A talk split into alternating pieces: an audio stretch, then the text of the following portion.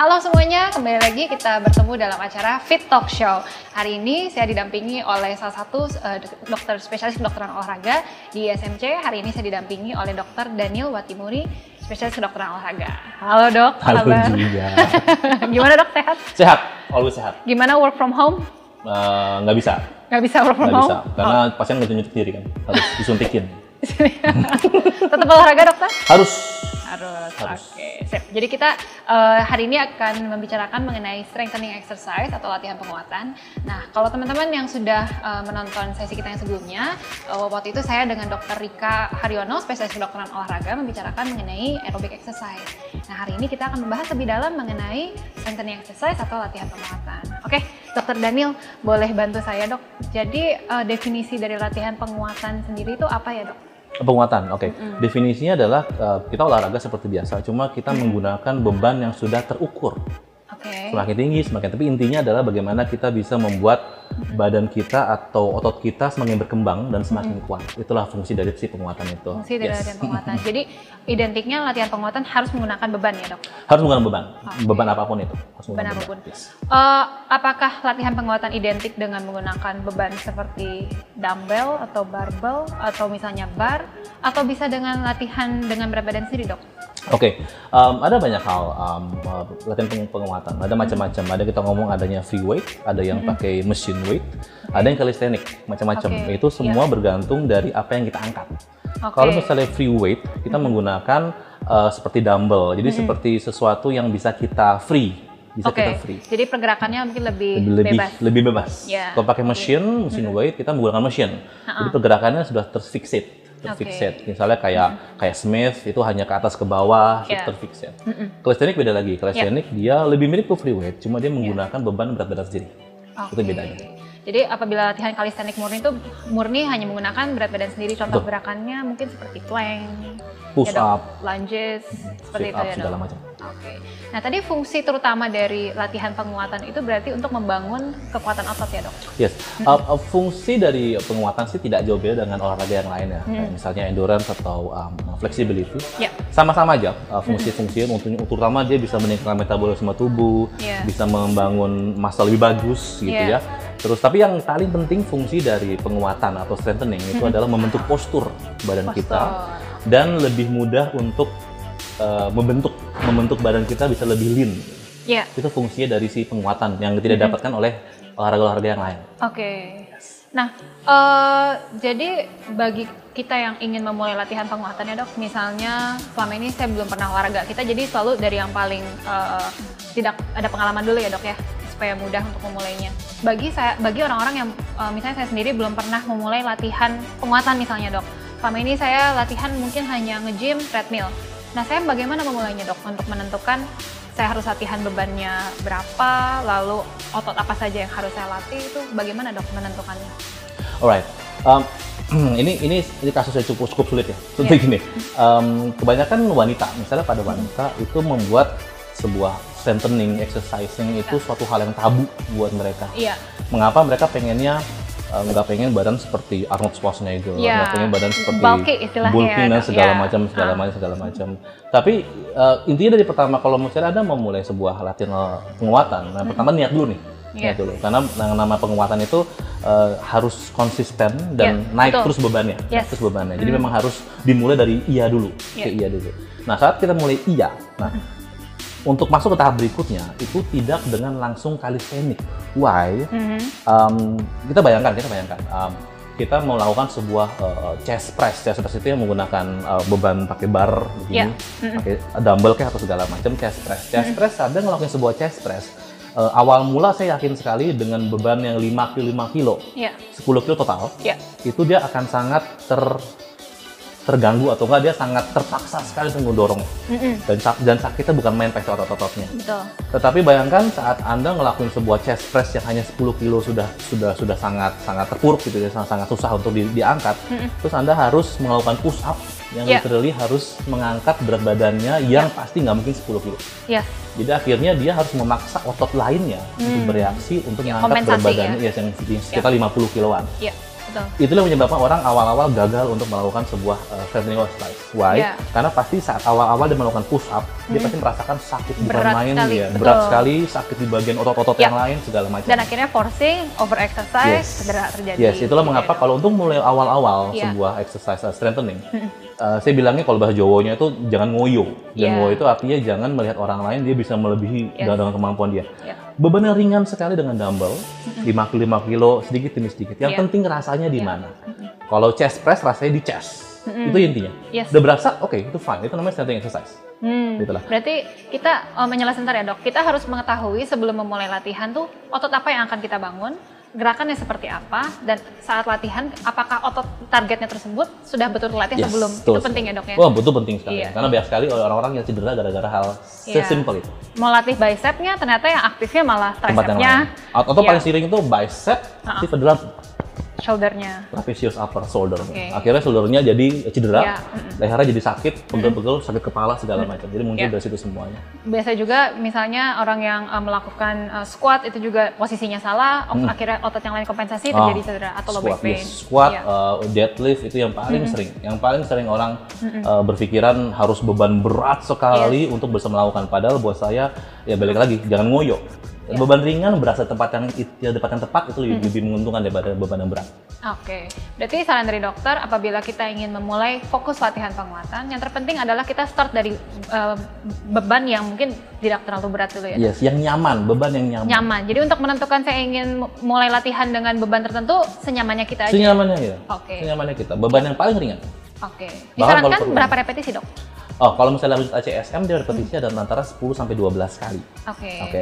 Dia lakukan berapa set antara 3 sampai 4 set. Oke. Eh, Berapapun bebannya, jadi terpenting repetisinya. Repetisinya. Oke. Nah, dok. segitu. Jadi tinggal diatur bebannya seberapa nih.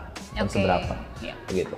Nah, setelah itu eh, dokter sendiri bilang kalau kita harus ada kenaikan beban ya dok ya, supaya ototnya berkembang, progres. Nah, eh, seberapa banyak kita dapat menaikkan beban?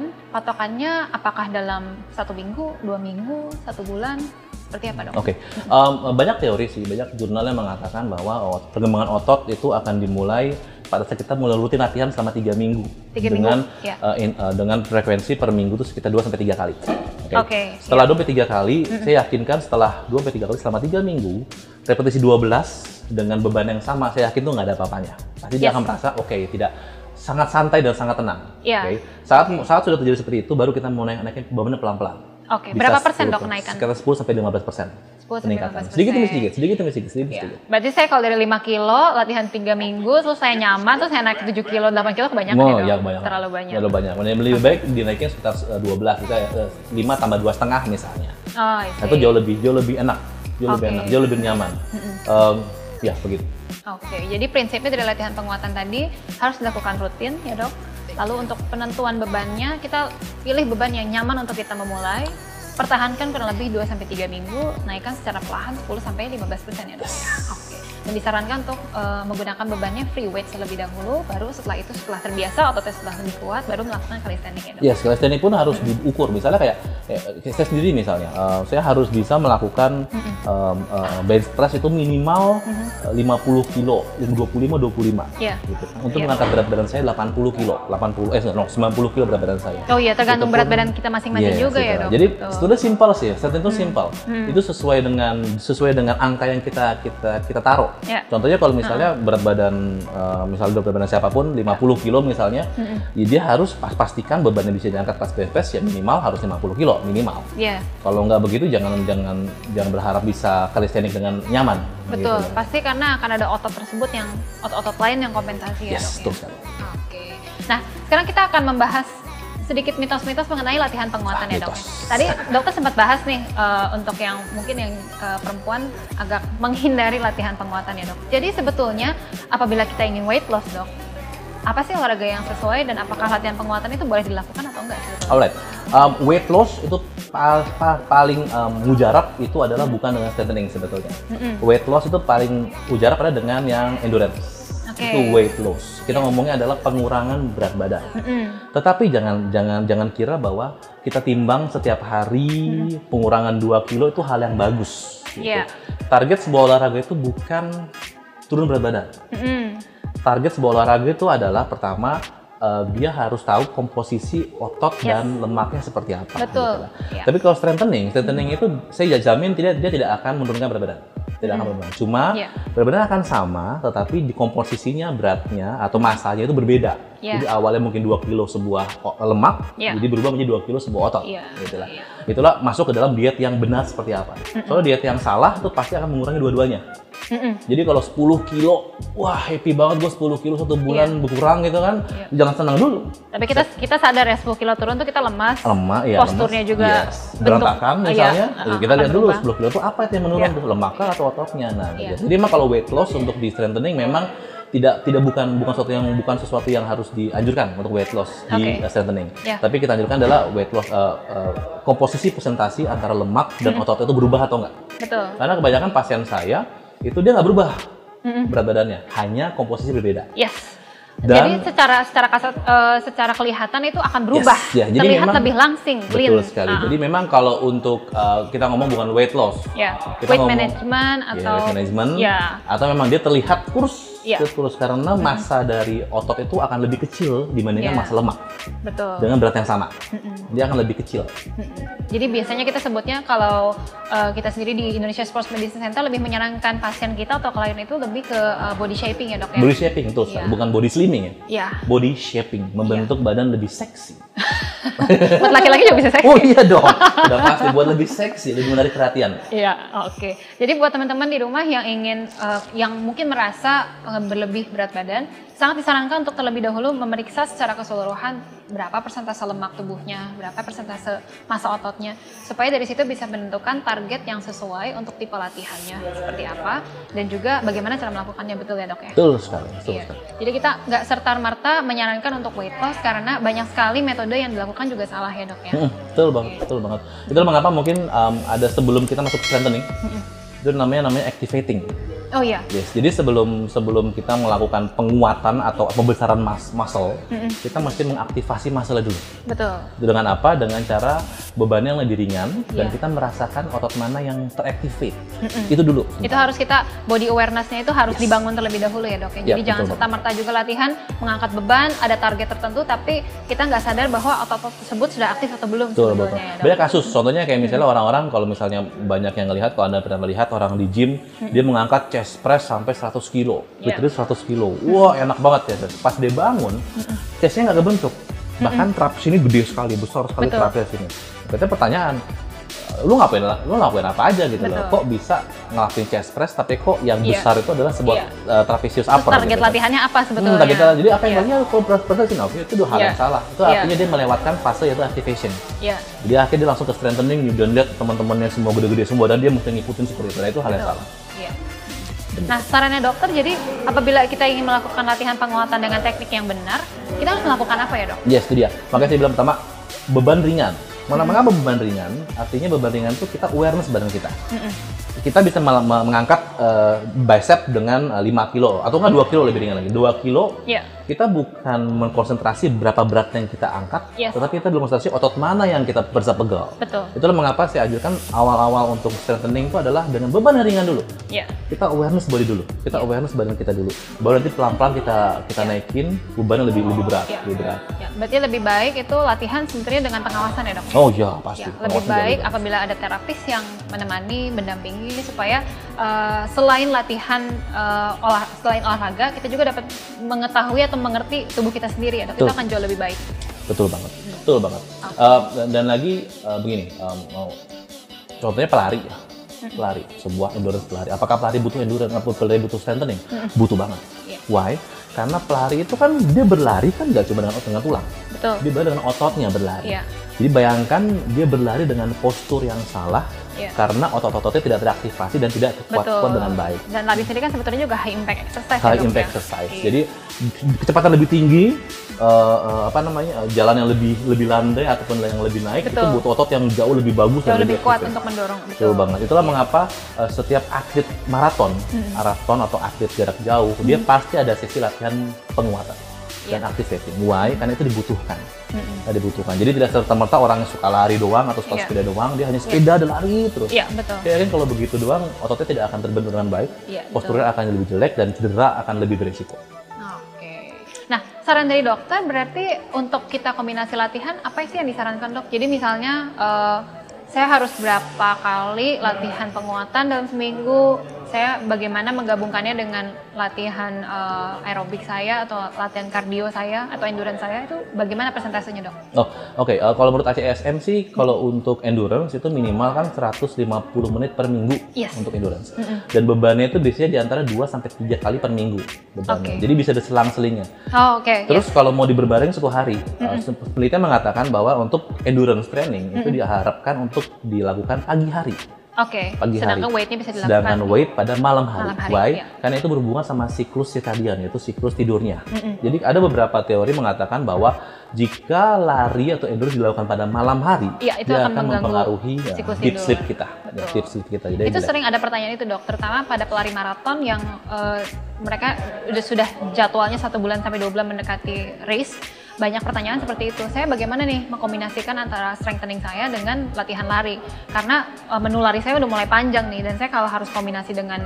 beban itu cukup melelahkan. Jadi Hmm. disarankan malam hari ya dok. ya? malam Itu hari cukup ideal untuk ya. beban dan bebannya pun ya bukan itu ini orang maraton dengan orang bo- body binaraga Mm-mm. bodybuilding itu bebannya berbeda Betul. Bebannya berbeda orang binaraga dia tuh difokuskan bagaimana peningkatan muscle ototnya Mm-mm. apakah orang binaraga lari pasti berlari juga Ya. untuk apa untuk uh, memacu ya, apa ka- kardionya Mm-mm. dinaikin kardionya Ya. tapi apakah dia ngelakuin lari lari juga tapi kalau maraton apakah dia ngelakuin beban beban ngelakuin juga Ya, gitu ya betul. karena emang itu berhubungan sama posturnya gitu. Ya. Oke. Nah jadi kesimpulannya sebetulnya latihan penguatan itu berisiko untuk cedera nggak sih penguatan kalau misalnya dilakukan dengan benar Ya. Balik lagi tidak ngoyo. Ti- ti- jadi tidak mungkin kita bisa badannya bagus besar gitu kan dalam waktu satu bulan dua bulan itu tidak must- mustahil Iya. mustahil jadi pelan sedikit demi sedikit sedikit demi sedikit sedikit akhirnya besar Mm-mm. gitu ya tapi kalau misalnya kita ngoyo nih misalnya wah hari ini gua harus ngelakuin 100 kilo bang bang bang bang besok 100 kilo lagi tanpa Ya. istirahat tanpa recovery Mungkin seminggu bisa survive. Minggu Nah, kedua. ya, dari minggu kedua Ya. akan berat akan menjadi pasien sih pasien kita deh gitu kan. jadi jadi jangan jangan Iya. ngoyo yang penting yang Betul. penting sedikit demi sedikit sedikit demi sedikit Ya. kalau sakit banget ototnya domsnya parah nih kita ngomong domsnya kalau Iya. domsnya parah sekali dua hari tiga hari nggak hilang hilang oke stop dulu Oke. sampai pulih lagi baru balik lagi ke strengthening yang penting adalah jangan dipaksain Iya. Saya rasakan tubuh itu tubuh anda Mm-mm. apa yang anda lakukan ya itu buat tubuh anda tubuh anda mengatakan sesuatu dengarkan tubuh anda Ya, dan kita juga melakukan olahraga untuk sehat ya, bukan untuk sehat cedera. betul bukan untuk cedera dan beda lagi kalau atlet ya kalau Iya. atlet dia olahraga untuk menang Betul, untuk sebuah kompetisi. ya profesi Iya, dia gitu. sedangkan kalau kami kami yang bukan seorang atlet gitu ya kita Iya. hanya untuk sehat titik Iya, jadi usahakan ya ya untuk sehat aja cukup betul. dengan rekomendasi yang tadi saya bilangin Oke. Jadi sarannya bagus sekali ya. Ini cukup membuka eh, ini sih mindset ya. Jadi selama ini mungkin yang takut berolahraga eh, strengthening, eh, jadi lebih tahu nih memulainya bagaimana dan yang sudah terbiasa melakukan mungkin bisa dikoreksi lagi juga. Oh selama ini mungkin saya melakukannya ada yang masih kurang tepat. Nah Yes. dok satu lagi nih dok, kalau eh, bodybuilding kan identik sekali dengan protein shake nih ya dok, atau konsumsi protein tingkat tinggi atau misalnya dengan dosis tinggi. Nah bagaimana sih dok sebetulnya eh, saran dari dari seorang dokter spesialis kedokteran olahraga menanggapi eh, suplementasi protein? Apakah aman, disarankan, atau cukup hanya dengan intake eh, protein dari makanan sehari-hari? Oke. Em, nih, saya balik dulu, saya mundur dulu. Eh, kalau disuruh, disuruh pilih nih di antara eh, karbo, protein, lemak segala macam itu, di, di antara tiga itu mana sih yang paling membentuk lemak? Yang mana sih yang paling membentuk kita badannya kita gemuk Yes. gitu ya? Heeh. Orang bilang, oh ya itu karbohidrat itu yang paling berbahaya, nasi itu paling berbahaya. Jangan untuk- makan nasi. Jangan makan nasi, karbo Betul. itu sangat sangat Harus berbahaya. protein. Gitu. Segala harus protein terus. Dan gitu. sayur. Yes. Kalau saya tanyakan ke seminar, eh, di antara kalian eh, siapa di antara tiga ini yang paling bikin kita gendut? Gitu kan. Orang bilang, oh karbo. Saya bilang apa? Nggak ada. Semua tiga-tiga itu berlebih itu akan gemuk. Betul. Akan gemuk. Akhirnya di Jadi- metabolisme tuh jadi lemak juga. Yes, karena apa? Karena kita gemuk itu kan sebuah eh, gudang, gudang apa yang sisa yang Betul. belum dipakai, Tidak terbakar, akhirnya terbakar, ya. akhirnya dia ny- nyam- nyambung ke sini. Mengapa karbo yang paling banyak? Mengapa? Karena kita makan karbo setiap hari, gitu kan. Iya. Tapi apakah karbo yang dihilangkan itu akan menjadi kurus? Enggak juga. Jadi, Iya. jadi banyak banyak hal kayak gitu. Nah, Iya. kalau kita lihat dari situ, berarti intinya adalah apa yang kita bakar dan apa yang kita makan itu harus seimbang, Mm-mm. harus seimbang. Contohnya kalau misalnya kita ngelakuin latihan beban nih, Ya. beban blak blak blak untuk for awal-awal sih untuk awal-awal yang protein nggak tinggi tinggi banget gitu kan untuk naikin beban sekitar 50 sampai 60 kilo buat saya sih tidak perlu protein shake Iya, karena sudah cukup dengan protein yang kita makan. betul. Kecuali kalau makannya memang sehari-harinya tidak cukup. Ya, it- Pola it- makannya memang kurang bagus. Yes, itu balik lagi Iya. ke diet kan. Iya. Iya. Intinya adalah makan aja apa yang anda makan. Apa Iya. yang anda makan, yang penting sama tiga kali tiga eh, empat lima sempurna tiga kali sehari Betul. se- seimbang. Iya. Tapi nanti pada saat peaknya, nanti bisa peaknya adalah pada saat anda ngelakuin beban kok domsnya tuh kok tidak tidak cepat udah selesai. Mm-mm. Begitu udah terus kok pegel-pegel terus segala, eh, segala macam pegel-pegel habis ngelakuin beban. Nah itu baru mungkin pertimbangan untuk protein. Oke. Artinya protein intake-nya masih kurang. Oke. Tapi kalau misalnya memang uh, masih oke-oke saja, Hmm. terus nggak pengen badan besar sekali, itu protein tambahan nggak usah. Why? Ada beberapa kasus dia gemuk karena protein. Iya. Jadi dia baru awal-awal mulai uh, uh, apa membangun badannya, dia udah minum protein tinggi setiap harinya. Hmm. Betul. Ujungnya apa? Jadinya Gendut. over akhirnya. Gendut. Betul. Sama juga, sama kayak orang-orang pada umumnya. Dia makan kebanyakan gendut. Jadi itu harus diimbangin, harus Iya. di jadi balik lagi jangan ngoyo. Mm-mm. Jangan ngoyo. Tidak ada satu orang pun yang satu tahun tuh jadi jadi badan bagus tuh nggak mungkin. Butuh Iya. bertahun-tahun, butuh lama sekali baru badannya bagus. Betul. Dan Begitu. jangan lupa juga kadang-kadang kita tidak memperhatikan intake sehari-hari makanan kita ya dok ya, tapi Hmm. kita langsung lebih cepat beralih ke suplementasi karena mungkin lebih mudah. Lebih mudah. Iya. Jadi saya makan tetap sembarangan, tapi saya minum protein shake dengan harapan itu bisa mengkompensasi nutrisi yang kurang. Betul. Jadi sebetulnya lebih mudah sekali untuk kita lebih aware dengan apa yang kita makan, kita rubah dari sana. Baru selama itu kita uh, melakukan penaikan beban terus menerus. Apabila kurang, baru Baru disarankan ditambah. kita penambahan. penambahan lagi ya benar. Jadi ya balik lagi jangan jangan terburu-buru lah kalau Iya. beban itu. Nah. Semakin bebannya semakin risiko. Penambahannya kira-kira apa yang disarankan dok? Bentuk uh, protein tambahannya seperti apa? Ah banyak itu sih banyak. Uh, uh, semua dokter sih menyarankan protein yang yang, yang alami ya, natural. Ayam, uh, daging segala macam daging-dagingan gitu Iya. kan. Uh, tapi kalau beberapa sampai titik sampai sampai saya gitu sampai titik tertentu, Hmm. memang saya tidak mungkin bisa mengkonsumsi dua dua dada ayam sekaligus gitu loh. Betul. Akhirnya kita menggunakan lah segala macam Hmm. suplemen, contohnya kayak um, apa oh, whey protein atau apa-apa. Nah, mungkin itu bisa dijadikan sebagai ini Iya. masukan juga. referensi ya. Referensi. Dan itu harus di uh, sebaiknya memang dikonsumsi juga dengan arahan dari dokter ya. Dengan arahan, dengan Iya. arahan, dengan arahan. Karena kalau kita sembarang balik lagi, Betul. bukan malah dapatnya adalah kurus dan slim Mm-mm. atau nggak dapatnya lean, ini malah jadi gendut Iya. karena protein kebanyakan. Jadi salah kaprah. Jadi salah kaprah aja. Jadi memang olahraga itu memang sesuatu yang yang umum begitu. Iya. Cuma Terlihatnya kalau mudah misalnya- ya, Terlihat mudah, Betul. simple, dilakukan bisa dilakukan di mana aja gitu. ya. Cuma kalau salah teknik, salah malah kita nggak dapat. Ujungnya apa kecewa. Betul. Dan banyak orang kecewa bukan karena salah olahraganya. Betul. Banyak orang kecewa. Jadi akhirnya dia, ada gue percuma olahraga, mati-mati Betul. aja nggak ada. Paranoid ya. Paranoid akhirnya dia nggak suka olahraga gara-gara Iya. bukan salah olahraga, salah dia sendiri Betul. padahal. Kita ingin bodybuilding tapi ternyata malah jadi bulky, ter- jadi gemuk. Iya, mau jadi gemuk segala Iya. macam. Ingin weight loss malah ternyata jadi berotot, Yes. tambah besar. Jadi dan salah. cewek, Betul. cewek itu tuh mau sebagaimanapun di latihan beban tuh nggak akan pernah berotot kayak Arnold Schwarzenegger tuh nggak pernah why karena hormonnya berbeda. Betul. Gitu kan? Iya. Kalau cewek kayak kalau misalnya kita lihat di binaraga binaraga, wah yang begini-begini, cewek-cewek yang gede-gede banget, Iya. emang itu alami itu nggak alami. Dia Betul. pasti akan suntikan hormon cowoknya itu Iya. steroid. Tambahan ya dok. Tambahan. Jadi cewek itu tidak akan pernah besar, bulking, nggak akan pernah. Cuma dia akan lebih lean dan lebih Iya. seksi. Jadi sebetulnya nggak perlu takut ya untuk yang perempuan ingin latihan beban nggak perlu takut. Hmm. Tapi tekniknya harus ta- harus Betul. tahu dan juga target latihannya apa. Dan perempuan saya rasa perempuan itu yang paling penting untuk latihan beban dibanding laki-laki. Why? Karena perempuan itu ada fase-fase yang nggak ada laki-laki punya. Mm-mm. Contohnya laki- perempuan itu lebih cepat menopause. Iya. Lebih betul. ada ada menopause, ada Iya. osteoporosis dia pastinya. Iya. Dan salah satu fungsi dari uh, strengthening adalah dia Iya, mencegah betul. osteoporosis, Iya. gitu kan udah jelas.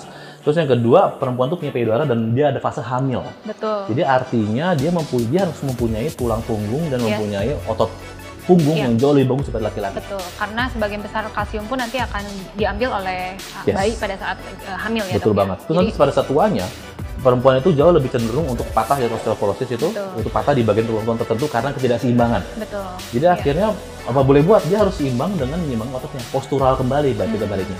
Iya. Jadi memang postural bilang, lagi banyak sekali ya dok. banyak sekali. Sekarang. Yes, Iya. itulah mengapa saya sangat sarankan perempuan tuh harus melakukan strengthening. Jangan pikirkan bahwa bisa bisa apa bisa jadi gede. Saya, saya pernah kasih penelitian mengenai itu. Mm-mm. Eh, ternyata cewek-cewek ngomong begitu, tuh nggak kenapa? Excuse me. dia excuse dia nggak pengen ah nggak nggak nggak pengen lah ya gede-gede seperti itu Iya. padahal enggak padahal dia malas ngelakuinnya Eh, saya seneng banget justru saya. iya tapi perempuan bilang wah ini kenapa kenapa karena itu membutuhkan ya, sakit sih Betul. itu kan Ya. sakit ngilu Betul. sakit segala Effortnya macam jauh lebih besar dibandingkan kita hanya jogging. Iya benar sebetulnya. banget. Itu Iya. jauh jauh lebih besar. Dia harus sakit, harus ke gym, harus Iya. ada alat Dan terutama macam. apabila kita melatih otot-otot yang lebih lemah itu sangat sangat Hmm, malas ya. Sangat malas ya, sangat Betul. sangat ya sangat sangat berasa lah, sangat berasa. Iya, iya. Tapi gitulah membuat. Tapi emang harus. Bahkan saya pikirnya bilang, bilang tadi, um, saya, saya sangat mengedukasi perempuan-perempuan, ayo kita ke gym. Kita ke Iya. gym, kita angkat beban. Itu pandangan penting buat kalian. Ya, jadi buat teman-teman yang perempuan nggak usah takut nih. Masih takut? Iya. Kami di sini selalu latihan bareng. Ya, strengthening juga merupakan salah satu uh, latihan yang yang saya sangat sukai ya karena uh, untuk benefit jangka panjangnya juga sangat baik dan apabila kita melakukannya dengan teknik yang benar itu sangat rewarding sih dok. Oh, Betul. iya. Ya. Mungkin yang terakhir dok pertanyaannya bagaimana sih kita mencegah supaya terjadi uh, mencegah terjadinya DOMS? Apakah bisa? Dan uh, apabila tadi dokter bilang kan kita merasakan DOMS itu cukup lama, bagaimana sih cara mengakalinya? Oke, mungkin uh, kita bisa jelaskan dulu mengenai DOMS ya dok ya. Oke. Uh, takutnya teman-teman di rumah ada yang nggak tahu. Oke, DOMS itu singkatan dari delay onset muscle soreness. Jadi artinya uh, uh, jadi uh, jadi setiap kali kita melakukan sebuah uh, strengthening exercise untuk membesarkan sebuah uh, otot Iya. gitu kan itu membutuhkan luka-luka kecil, micro tears, micro micro tears. pada serabut ototnya. Jadi itu sebetulnya wajar ya. Wajar, Wajar DOMS namanya terjadi. DOMS. Nah, tapi tidak wajar itu adalah bila DOMS itu melebihi dari tiga hari. Oke. Kalau DOMS melebihi dari tiga hari, rasa pegel-pegelnya, rasa itu melebihi tiga hari, sakit-sakit itu artinya sudah masuk ke fase strain. Iya. Yaitu fase ada ada ada Ada perobekan lebih besar, lebih besar, pada otot-ototnya. Iya. Jadi memang DOMS itu akan terjadi Iya. untuk awal-awal akan terjadi. Bahkan bahkan ada beberapa kabar orang-orang yang suka main gym, Mm-hmm. orang main dia malah mengincar si DOMS-nya itu. Iya. Karena DOMS merasa itu- katanya kalau nggak sakit tuh nggak olahraga. Yes, jadi DOMS Iya. itu adalah sebuah target kita sudah mencapai fase uh, sudah mencapai tingkat tertinggi otot kita. Iya. Jadi kita mesti melewati itu kena DOMS, itu Mm-mm. artinya otot kita makin besar, Mm-mm. makin besar. Nah, DOMS itu uh, uh, pasti akan ada untuk Iya. awal-awal mula. Tapi apakah itu bisa dihindarin? Sayang itu uh, kita kita nggak bisa hindarin, Iya. bahkan itu target. Tapi apa kita bisa me- mereduce. Dan sakitnya? juga mengontrol mungkin ya. Mengontrol bisa, Iya. kita bisa mengontrol. Contohnya kita bisa ngelakuin sebuah massage pelan, Iya. atau bahkan sekarang ada vibrate digetarkan. Kita punya vibrator sendiri Vibrate, ya. ya, vibrate. Jadi vibrate akan akan akan mereduce sangat mengurangin uh, gejala DOMS yang lebih enak, Iya. dia lebih nggak sakit. Jadi bentuknya seperti alat massager, tapi mungkin portable ya dok ya. Hmm. Itu bisa dimiliki di rumah. Tapi apabila tidak punya, eh, sebetulnya dengan massage itu pun cukup Massage, membantu ya. shaking, Self- sebetulnya ya. self massage tuh membantu ya Oh, dok. ya. Self massage dengan foam roller itu salah satu bentuk di mana kita dapat merilis otot kita eh, untuk mengurangi DOMS itu Iya sebetulnya. tapi dok. jangan panik. Uh, DOMS itu memang memang uh, natural, jadi memang itu alami terjadi pada Yes. sebuah strength- strengthening exercise. Itu Iya. alami. Cuma bagaimana cara me, me- mereduce-nya, menguranginya Betul. itu yang harus kita lakukan. Sometimes kita merasakan DOMS itu terlalu berat apabila memang latihannya berarti terlalu terlalu berat, ter- yes. terlalu terlalu banyak. Jadi semakin besar otot, semakin besar bebannya kita angkat, Iya. itu robekan otot akan semakin banyak. Betul. Yang paling parahnya lagi ototnya tidak terjadi pada otot yang kita targetin. Iya. Nah, itu yang paling sering terjadi. Latihannya di mana? Sakitnya di mana? Sakitnya di mana? Domsnya di mana? Sakit uh, pegel- latihan di mana? Iya. Dom domsnya di mana? Nah, itu yang Iya, berbahaya. iya, iya. Itu Iya, berbahaya. Artinya otot yang itu ter- terkompensat dengan otot yang lain. Iya. Gitu. Oke, Dok. Nah, eh, apakah stretching itu membantu mengurangi DOMS? Warming up yang tepat, stretching before dan after exercise, apakah membantu mengurangi DOMS? Oke, um, um, itu banyak pro kontra yang mengenai hal itu. Hmm. Ada beberapa orang yang sebentar tadi doms itu kita memang targetin. Jadi memang kita nggak pengen nggak doms malah, kita pengen doms. Karena itu target kita. Jadi kalau kita uh, uh, uh, tanpa doms, kita artinya tidak mencapai target katanya gitu. Ada kita banyak-banyak ngomong seperti itu. Tapi apakah uh, stretching membantu? Saya rasa rasa membantu ya. Yes. Stretching dan segala macam itu Itu memang sangat membantu, membantu untuk prepare ototnya ya, prepare sebelum ototnya. kita latih. Mm-mm. Betul, prepare ototnya untuk untuk kita uh, kontrak gitu, kita kita kontraksikan. Jadi emang Iya. Memang harus ngelakuin itu, apalagi sebuah stretchingin uh, stretching yang yang konsentrik, eh, sorry, eksentrik misalnya, Iya. yang begini, gitu stretching sebelum kita ngelakuin beban, Ya, memanjangkan otot lah ya. memanjangkan Dok. ototnya, yaitu untuk mengurangi resiko cedera jauh lebih bagus. Oke, before after, Dok? Before after. Dua-duanya ya, Yes, ya? before after. Oke. Jadi buat teman-teman suka ada yang, aduh males nih, biasanya paling males tuh stretching. Saya heran pada tuh sebetulnya menyenangkan sekali ya dok dilakukan, terutama after. Jadi kita merasa jauh lebih rilis, jauh lebih relax. Jadi disarankan dilakukan sebelum dan setelah latihan. Yes. Pada awal latihan itu dilakukan setelah pemanasan, pada setelah latihan dilakukan setelah pendinginan. Kemarin juga saya ngomong mengenai pemanasan. Pemanasan Iya. itu tidak melulu hanya sebuah stretching, gitu Iya. ya. Soalnya kebanyakan berpikir adalah pemanasan itu hanya always always hanya stretching, gitu kan. Uh, pemanasan itu adalah kita mengaktifkan otot yang mau kita latih. Iya. Itu pemanasan. Contohnya kalau dalam hal beban, misalnya kita mau hari ini kita latihan untuk dada dengan eh, bicep, ah, sorry, dada dengan tricep misalnya, gitu ya. Ya, kita latih aktivasi untuk dada. Ya. Contohnya adalah kita stretching pegangan begini terus begini, Tarik rasakan ototnya ke mana, bagian gitu ya. Terus abis Ya. tiduran, abis itu pakai dumbbell, rasakan begini. Ah ini rasa pegelnya sebelah sini nih bagian pektoral. Iya. Nah itu itu pemanasan namanya. Iya. Baru kita masuk ke inti yaitu kita beban tinggi. Nah jadi Yes. kita tahu otot mana yang kita Betul. bereaksi. Kalau misalnya gerakannya ternyata mengaktifasi otot yang kontraknya berarti itu Berarti gerakan salah. stretchingnya salah. Stretching salah. Jadi Oke. begitu. Sama kayak berlari. Kalau Hmm. berlari juga sama. Berarti stretchingnya apakah butuh stretching? Enggak juga. Berlari itu harus aktivasi juga. Otot itu aktivasi otot berlari. Iya. Paha depan, paha belakang, pinggul kanan, pinggul kiri, semuanya kita mesti awareness. Oke, Iya. ini rasakan udah mulai berasa. Ya, kita bisa lari dulu mungkin awalnya sebe- sebe- Yes, sebelum iya, lari betul utamanya kita mungkin lari dulu Ada 5 kecil-kecil, menit, 10 jadi menit, merasakan ya. semua otot kita activate dulu, Iya. baru kita bisa dynamic stretching lah ya dok dynamic stretching, nah, dynamic stretching itu bagusnya. Jadi makanya kita harus dua tuh static and dynamic. Yes. Fungsinya apa dynamic itu untuk aktivasi muscle. Jadi muscle akan teractivate dulu untuk melakukan sesuatu yang lebih tinggi lagi gerakan. Oke. Begitu ceritanya. luar biasa nih. Dapat banyak informasi hari ini kayaknya nih ya. Oke, jadi terima kasih banyak Dokter Daniel. Sama-sama. Saya rasa ini waktunya nggak cukup nih. Saya masih banyak banget yang pengen diskusiin. Nah, tapi next time kita akan ketemu lagi dengan Dokter Daniel, mungkin membahas topik yang berbeda. Eh, untuk teman-teman yang di rumah masih ada pertanyaan yang ganjel, boleh di comment section nanti tuliskan pertanyaannya apa, nanti dari teman-teman di SMC akan bantu jawab. Nah, setelah Dokter Daniel, nanti sesi ini akan dilanjutkan juga dengan fisioterapis dari SMC. Tujuannya adalah nanti kita akan memperagakan beberapa gerakan eh, penguatan yang bisa dilakukan di rumah, baik dengan alat maupun tanpa alat. Jadi supaya teman-teman di rumah bisa latihan. Oke, sekian dari kami hari ini. Salam olahraga ya dok? Salam olahraga. Salam olahraga. Salam olahraga. Oke, stay healthy and stay safe. Bye-bye.